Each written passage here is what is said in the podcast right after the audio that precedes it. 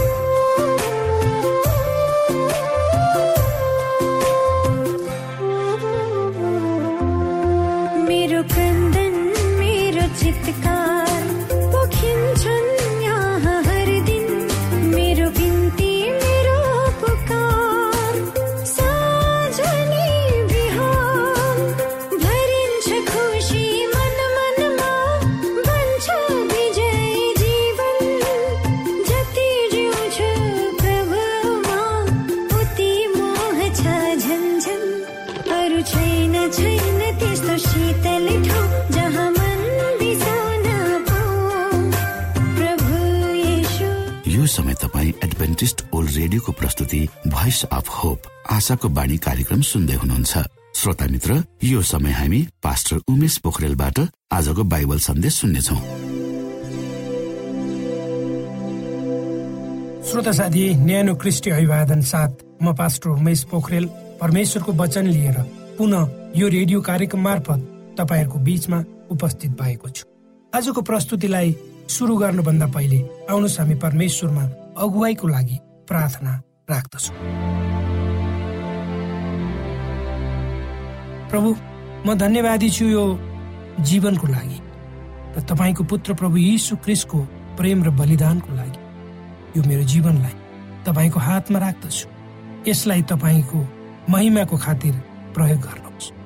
यो रेडियो कार्यक्रम तपाईँको महिमा राज्यको प्रचारको लागि तयार गरिएको कार्यक्रम हो। यसलाई तपाईँले अगुवाई गर्नुहोस्। सबै बिन्ती उनै त्राणकर्ता प्रभु यीशुको नाममा। आमेन।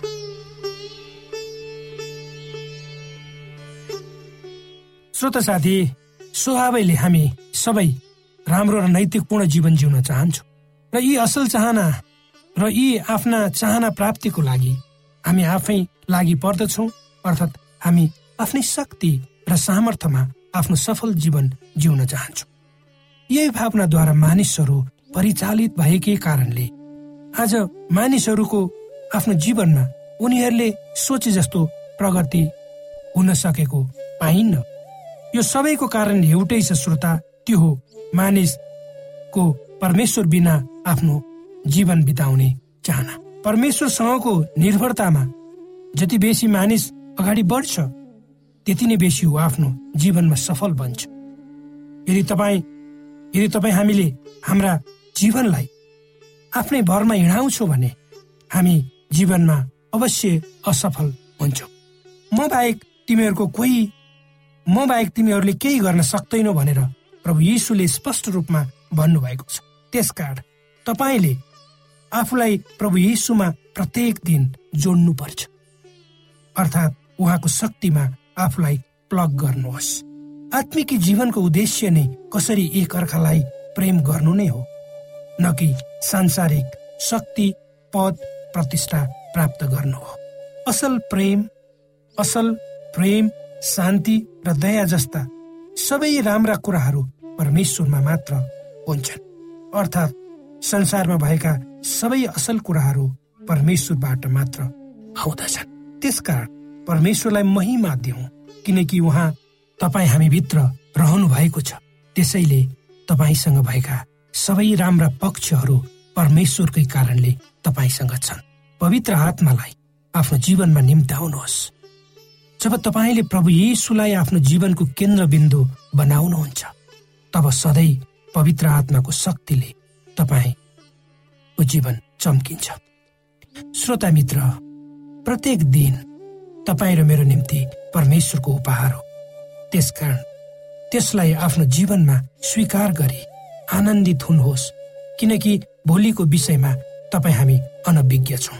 तपाईँमा भएका शक्ति बुद्धि जस्ता सबै कुराहरू राम्रो र असल कामको निम्ति आजै लगाउनुहोस्। तपाईँ परमेश्वरद्वारा उहाँको स्वरूपमा सृजनु भएको हो। र जब तपाईँले आफ्नो सुन्दरतालाई आफ्नै भित्री आँखाले देख्नुहुन्छ। तब तपाईँका जीवनमा भएका सम्पूर्ण बादलहरू तपाईँबाट भाग्नेछन्।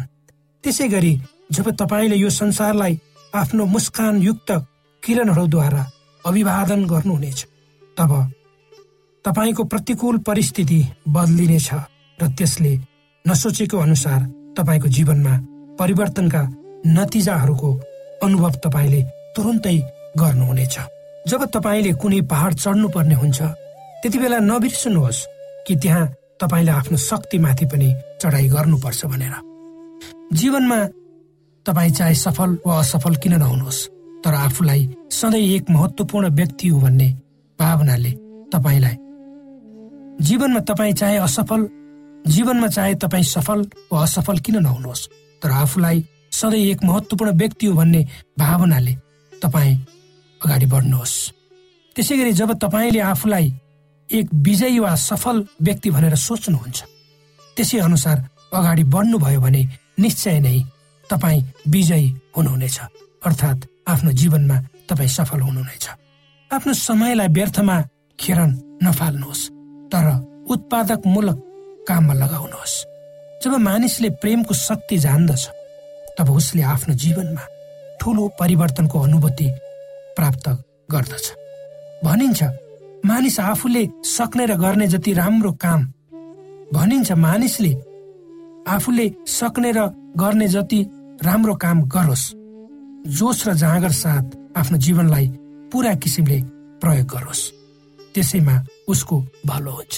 त्यसरी नै आफ्नो जीवनलाई निस्वार्थ भावनाले अरूहरूको निम्ति दिनु र अरूको लागि आशिष बन्नु जति ठुलो सफलता जीवनमा अरू कुनै छैन र हुँदैन पनि। तपाईँ जहाँ जानुहुन्छ जो जोसँग तपाईँको भेट हुन्छ त्यहाँ तपाईँका प्रेमका सुगन्धित तत्त्वहरूलाई छोड्नुहोस्। ताकि तपाईँ त्यहाँबाट हिँडेपछि तपाईँले छोड्नु भएको प्रेमको सुगन्धबाट अरू धेरै मानिसहरू आशिषित हुन सकुन्। जहिले पनि सकारात्मक सोच साथ आफ्नो जीवनलाई अगाडि बढाउनुहोस् र तपाईँको मन शान्ति आनन्द र आशा जस्ता विचारहरूले भरिएका हुन्।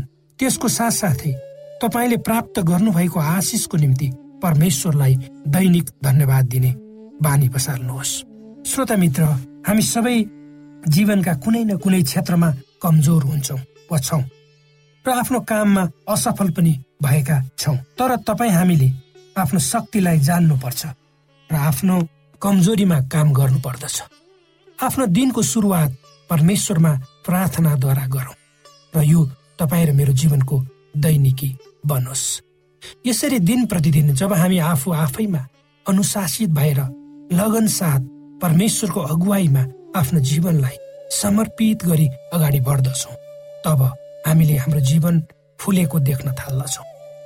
र हाम्रा जीवनबाट असल कुराहरू देखिन थाल्दछन् जसले तपाईँ हामी आफ्नो लागि नभई अरूहरूको निम्ति जिउँछौँ भन्ने कुराहरू सबैले बुझ्नेछन् र देख्नेछन्।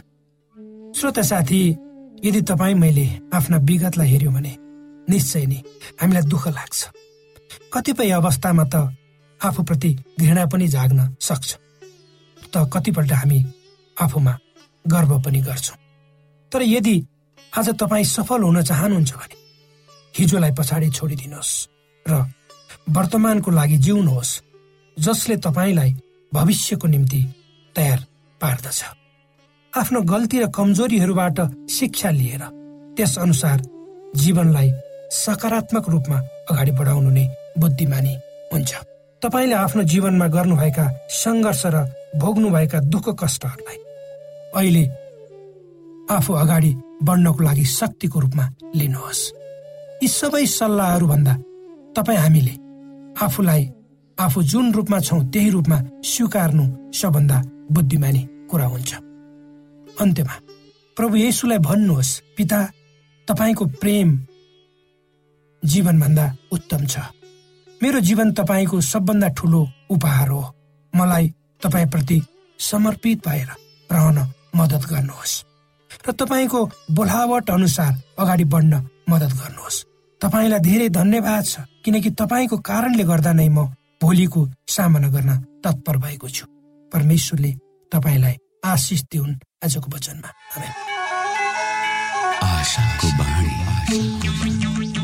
श्रोता भर्खरै यहाँले पास्टर उमेश पोखरेलबाट बाइबल वचन सुन्नुभयो।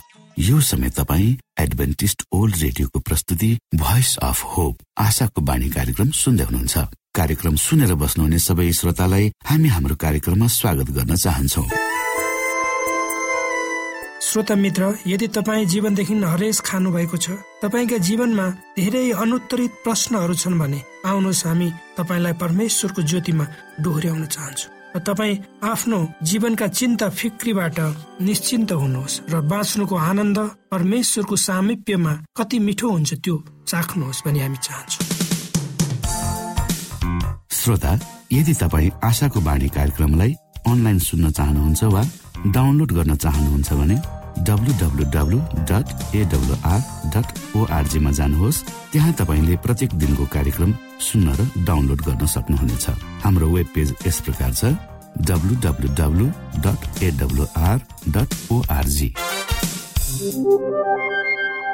श्रोता यदि तपाईँ हामीसित सिधै फोनमा सम्पर्क गर्न चाहनुहुन्छ भने हाम्रा नम्बरहरू यस प्रकार छन्।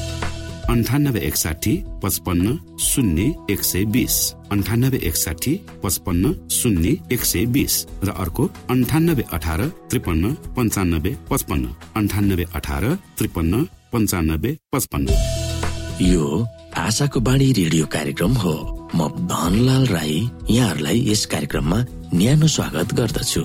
आजको समसामयिक विषयको प्रस्तुतिमा उद्देश्य प्रेरित पुनर्जन्म देश देशभरका आत्मा परिवर्तनका कथाहरू प्रस्तुत छ। स्वीकार्नुहोस्। आजको कथा जनेहा आमा बाबुका हृदयहरू यसुको निम्ति जित्नु टलिटा होयाटो पपुवा न्यू गिनी। अस्ट्रेलियाको महादेशको समुद्रमा पपुवा न्यू गिनी भन्ने एउटा देश छ।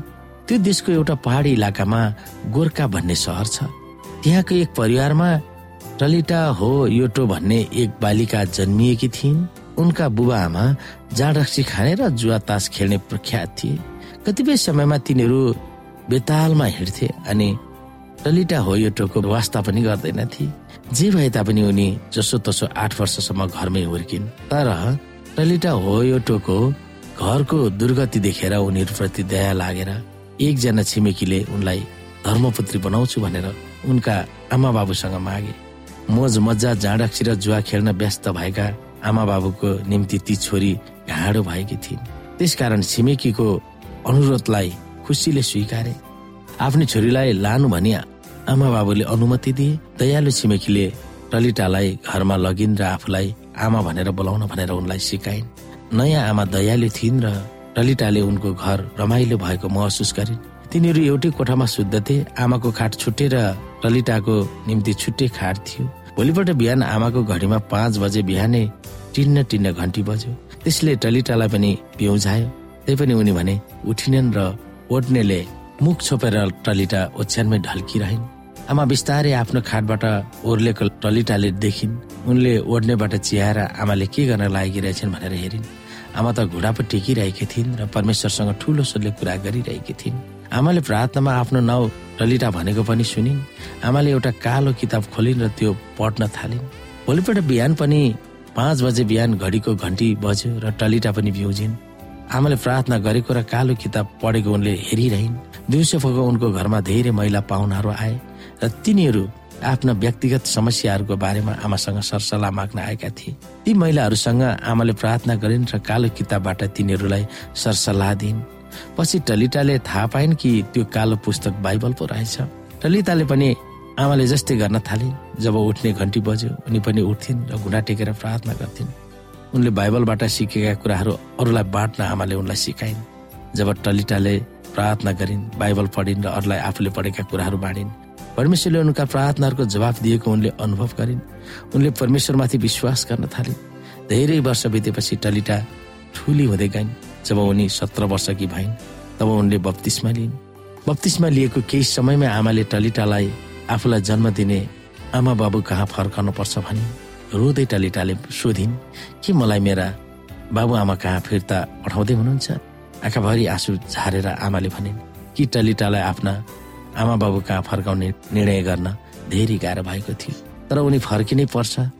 यो निर्णय उचित भएको उनलाई सुनाए तिमीले यसलाई तिम्रो व्यक्तिगत मुक्तिदाता भनेर स्वीकारेको हुनाले तिमीलाई जन्म दिने बाबुआमाले पनि तिमीले कस्तो खालको मुक्तिदातालाई तिमीले ग्रहण गर्यो भनेर सुनाउनु पर्छ आमाले भनिन् ल त हुन्छ भनेर ललिताले आफ्नो पोको पन्तुरो बोकेर आमाबाट बिदाबारी भएर आफ्नो घरमा फर्किन्। ललिता अचानक आफ्नो घरमा पस्दा उनका बाबुआमाले अत्यन्तै अचम्म माने तर तिनीहरूले खुसीले उनलाई घरमा स्वागत गरे। तर तिनीहरूले यसुको बारेमा सुन्न चाहेका थिएनन्। जब जब उनले यसुको बारेमा तिनीहरूलाई केही सुनाउँथिन् तब तब तिनीहरू केही न केही भनेर गाली गर्दै उनीबाट पर हुन्थे। जे भए तापनि टलिटा आफ्नो घरमा सजिलैसँग घरै ठानेर बसिन्। उनका दुई भाइ र बहिनीहरूसँग पनि घुलमिल भइन्। तिनीहरूलाई टलिटाले पहिले कहिले पनि देखेकी थिएनन्। आफूलाई पाल्ने आमाको नियमअनुसार उनले पनि नियमित रूपमा बिहान पाँच बजे घन्टी बजाउन घडीलाई तयार गरिन् र घन्टी बजेपछि उनी उठिन् प्रार्थना गरिन् र बाइबल पढिन्। आफूले पढेको कुरा आमा बाबुलाई भन्ने प्रयास टलिटाले गरिन् तर तिनीहरूले उनलाई सुन्न चाहेनन्। तैपनि बाबुआमा सुत्ने बेलामा तिनीहरूको खाटमा गएर उनले बाइबलका कथाहरू सुनाइन् र तिनीहरूको निम्ति प्रार्थना गर्न थालिन्। उनलाई पालन पोषण गर्ने आमाले भनेको कुरा उनलाई याद आइरहेको थियो। कसैले कसैलाई इसाई बनाउने हाम्रो काम वा जिम्मेवारी होइन। तर यो त परमेश्वरको काम वा जिम्मेवारी हो। कलिटाको धेरै प्रयासपछि एक दिन उनकी आमा चर्चमा जान मन्जुर भइन्। तर चर्चमा सबैले उनको कुरा काट्छन् वा ठट्टा गर्नेछन् भनेर उनलाई डर लागेको थियो। सबैलाई थाहा थियो कि उनी जाँडक्सी खान्थिन् र जुवातास खेल्थिन्। तर टलिताले अरूले के भन्छन् त्यसको चिन्ता नगर्नुहोस् भनेर आफ्नो आमालाई हौसला दिइन्। जब टलिताको पालन पोषण गर्ने आमाले उनलाई भेटिन् तब उनका आमा चर्च गएको देखेर उनले खुसी व्यक्त गर्दै भनिन् परमेश्वरले नै मानिसको हृदय जान्नुहुन्छ। जब यसो यस संसारमा हुनुहुन्थ्यो उहाँले पनि तिमीहरूले जस्तै मानिसहरूसँग गोलमेल हुनु गर्नुहुन्थ्यो। त्यसकारण अरूले के भन्छ त्यसमा सुर्ता नलिनु। जब एकजना पापीले पश्चाताप गर्छ तब स्वर्गमा आनन्दको लहर आउँछ। जब टलिताको कर्म दिने आमाले उनका आमा र भाइ बहिनीहरूलाई भेटिन् तब उनी धेरै खुसी भइन् र तिनीहरूलाई अङ्गालो मारेर न्यानो अभिवादन गरिन्। मानिसहरूले तपाईँलाई के भन्छ त्यसमा तपाईँ चिन्ता नगर्नुहोस्। परमेश्वरले तपाईँको हृदय जान्नुहुन्छ। तपाईँको जीवनमा परमेश्वरको योजना छ। ललिताकी कर्म दिने आमाले उनको जन्म दिने आमालाई भने जब आमा चर्चबाट घर फर्किन् तब बाबुले केही पनि भनेनन्। ललिताले आफ्नो बाबुलाई पनि चर्चमा आउन आग्रह गरिन् तिमी सानै छौ मलाई के गर्ने भनेर नअराउ बाबुले ललितालाई ठाडो जवाफ दिए। ललिताले दानियल चार अध्यायको अठाइसदेखि सैतिस पदहरू पढिन्। त्यहाँ सम्राट नबुकदनेश्वरले घमण्ड गर्दा परमेश्वरले उनलाई पशु सरज हार्नु भएको थियो। कि संसारको राजा परमेश्वर हुनुहुन्छ? उनी होइनन् भनेर उनले महसुस गरून् भनेर सो लेखिएको थियो। त्यसकारण ललिताले आफ्नो बाबुलाई चर्चमा आउन आग्रह नगरी उनको निम्ति प्रार्थना गर्न थालिन् हे प्रिय प्रभु तपाईँले सम्राट नबुकदनेश्वरलाई तपाईँ परमेश्वर हुनुहुन्छ भनेर थाहा पाउन् भनेर तपाईँले उनको हृदयलाई परिवर्तन गर्नुभयो भने मेरो बुबालाई पनि हेर्नुहोस्। उहाँ केवल साधारण मानिस मात्र हुनुहुन्छ। उहाँलाई केही गर्नुहोस् जसले गर्दा उहाँले तपाईँलाई विश्वास गर्न सक्नु भएको होस्।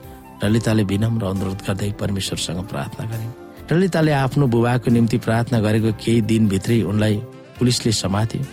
उनी बिजुलीका इन्जिनियर थिए। उनले पैसा पाए अनुसार काम सिद्ध्याएका थिएनन्।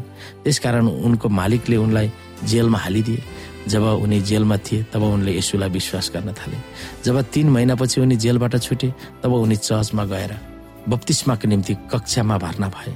ललिताको खुसीको सिमाना नै रहेन तर दुर्भाग्यवश एक महिनापछि उनको बुबाको टाइफाइड ज्वरोले मृत्यु भयो। उनी केवल पैँतालिस वर्षको मात्र थिए। यो किन भयो? ललिताले बुझ्न सकिनन् प्रत्येक साबत सबै परिवार सँगसँगै चर्च गएको उनी चाहन्थिन्। तर बाबुको दुःखलाग्दो मृत्यु भएपछि परमेश्वरले उनको प्रार्थना सुनिदिनु भएकोमा ललिता खुसी थिइन्।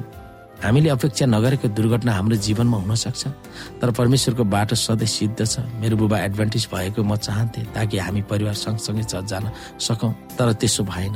तर यसुमाथि विश्वास राखेर नै मेरो बुबाको मृत्यु भयो। जब यसो आउनुहुनेछ तब हामी सबै मिलेर स्वर्ग जानेछौँ। ललिताले सन्तुष्ट हुँदै भने ललिताकी आमा प्रत्येक साबत चर्चमा गइरहेकी छिन्? उनले छिट्टै बत्तिसमा लिनेछिन् ललिताका भाइहरू र बहिनीहरू पनि चर्चमा जान्छन्। ललिता अहिले वर्ष उन्नाइसकी छिन्। उनी शिक्षक हुन् कलेजमा पढाइरहेकी छिन्। आफ्नो दुईवटी आमाहरू भएकोमा उनी खुसी छिन्। आफ्नो जन्म दिने आमा र कर्म दिने आमा म सानै हुँदा प्रवेशीको चेला हुन सिकाउनु भएकोमा मलाई पाल्नु हुने आमाप्रति म सधैँ आभारी छु। यसैले गर्दा म जहाँ गए तापनि यसबारे म अरूलाई सुनाउँछु। ढुक्क भएर टलिताले यी लेखकलाई सुनाउँछिन्। बगाउन मैले आँसु बगाउन मरिरहेका आत्माको निम्ति मरिरहेका आत्माको निम्ति मैले हृदय हटाउन सकु?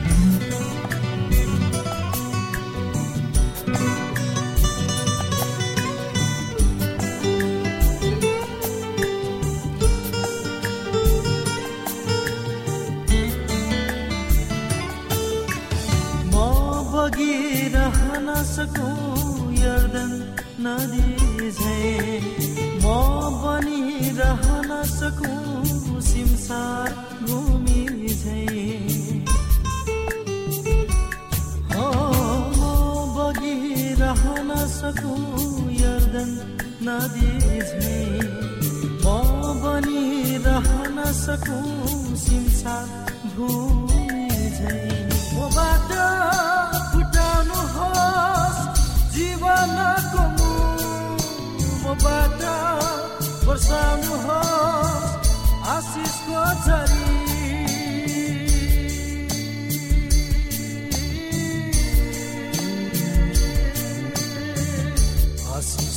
श्रोता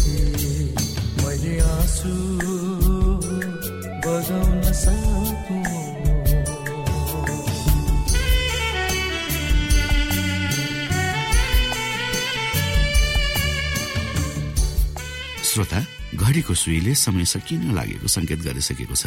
हाम्रो ठेगानाको बारेमा यहाँलाई जानकारी गरौं। आशाको बाणी पोस्ट बक्स नम्बर दुई शून्य शून्य शून्य दुई काठमाडौँ नेपाल। यसै गरी श्रोता यदि तपाईँ हामीसित सिधै फोनमा सम्पर्क गर्न चाहनुहुन्छ भने हाम्रा नम्बरहरू यस प्रकार छन्। अन्ठानब्बे एकसाठी पचपन्न शून्य एक सय बिस। अन्ठानब्बे एकसाठी पचपन्न शून्य एक सय बिस। र अर्को अन्ठानब्बे अठार त्रिपन्न पन्चानब्बे पचपन्न। अन्ठानब्बे अठार त्रिपन्न पन्चानब्बे पचपन्न। हवस् त श्रोता हाम्रो कार्यक्रम सुनिदिनु भएकोमा एकचोटि फेरि यहाँलाई धन्यवाद दिँदै भोलि फेरि यही स्टेशन र यही समयमा भेट्ने बाजा गर्दै प्राविधिक साथी राजेश र पास्टर उमेश पोखरेल र कार्यक्रम प्रस्तुता म रवि यहाँसँग विदा माग्दछौ। परमेश्वरले तपाईँलाई धेरै धेरै आशिष दिनु भएको होस्। नमस्कार।